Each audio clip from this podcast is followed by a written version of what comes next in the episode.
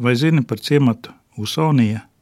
Līdzīgi kā Latvijas Universitātes vasarnīcas kolonija Kokneses bilstiņos, par kuru stāstīju pagojušo nedēļu. Nedaudz vēlāk arī Amerikas Savienotajās valstīs laikā no 1930. gada līdz 50. gadiem radās kaut kas netieši līdzīgs. Lielākā daļa no mums pazīst izcilā amerikāņu arhitekta, organiskās arhitektūras aizsācēja Franka Lloyda Raita ēkas, kā piemēram Guggenheim muzejs Ņujorkā, māja virs ūdenskrituma Pensilvānijā, Robija māja Čikāgā un paša arhitekta māja un skola Viskonsinas upes ielā, kur viņš dzīvojis un mācījis citus arhitektus līdz pat savai nāvei 1959. gadā. Līdzīgi kā Latvijā pēc Pirmā pasaules kara, arī Amerikā pēc Lielās depresijas 30. gadu beigās Franks Lloyds Raits piedāvāja vienkāršas amerikāņu mājas vīziju. Skaista, neliela, apmēram 150 km2, vidē draudzīga, kārtīgi uzturēta un cenā pieejama vidusmēra amerikānim. Šī vīzija tika realizēta 40. gadu beigās, kad Raita studentu grupa nolēma izveidot Usonija ciematu uz 40 hektāru meža zemes stundas braucienā uz ziemeļiem no Ņujorkas. Usonijas mājas pretstatā Amerikā pierastajām prēriju stila rezidencēm bija kompaktas ar atvērtu stila plānojumu, lieliem logiem, plakaniem vai lēzeniem jumtiem ar lielām pārkarēm un galvenais – projektētas kontekstā ar vietu, kur katra atrodas. Visa kooperatīva platībā Franks Lloyds Raits pats noteica katras mājas atrašanās vietu. Apkaimes plānojumu viņš veidoja apļu veidā, saglabājot vairumu oriģinālo koku.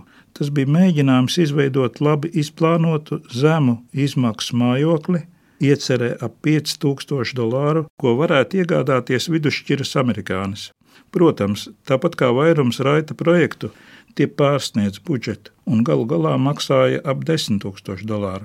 Tolaik tas nebija maz, un tika uzceltas tikai 60 usonija mājas. Septiņas no tām ir iekļautas pasaules mantojuma sarakstā. Usonijas ideja bija kas vairāk nekā tikai māju projektēšana. Šķiet, ka pats izvēlētais vārds Usonija simbolizē kaut ko uz nākotni vērstu, kā Amerikas United States utopija vai vienotība. Raita Usonijas koncepcija bija zināmā mērā sociālas ievirzes projekts. Viņš kopā ar saviem studentiem orientējās uz kopienas vajadzībām, uz kopēju plānošanu ar sasniedzamiem tirsniecības, izglītības, rūpniecības, kultūras un atpūtas centriem.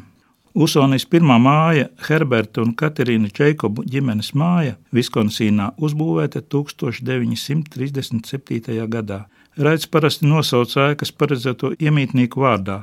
Dizains ietver trīs veidu sienas, kas ēkā izvietotas atbilstoši materiālam un funkcijai.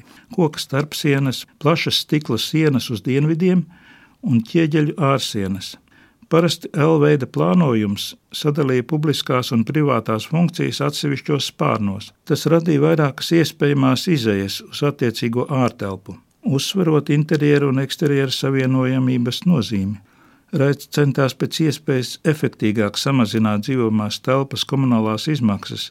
Tāpēc jau Usonijas pirmajos projektos tika izmantota tagad tik populārā siltās grīdas apkure un citas energoefektīvas lietas. Par šīm mājām pašām nekas daudz nav zināms, jo tās visas ir privāti īpašumi un nav apsekotas. Pēdējās Usonija mājas uzbūvēja jau pēc Franka Lloyda Raita nāves. Usonijas stils ir ietekmējis daudzus arhitektus gan Amerikā, gan visā pasaulē. Tagad Usonijas kolonijas vietā ir īsts mežs, tā kā šajā rezervātā neko mainīt nedrīkst, žogus būvēt nedrīkst, tad iemītniekiem nākas visādiem viltīgiem paņēmieniem cīnīties ar stirnu bariem.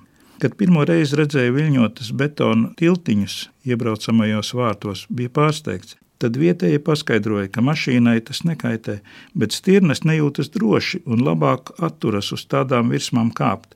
Tagad ļoti labi saprotu šo problēmu. Man pašam mājās Latvijā pirmais stirnu upuris bija žoga tūjas, bet šoziem rododendri zem virtuves loga. Vai tu zini kādu efektīvāku stirnu atturēšanas līdzekli par betonu tiltiņu būvēšanu? Lūdzu, atraksti!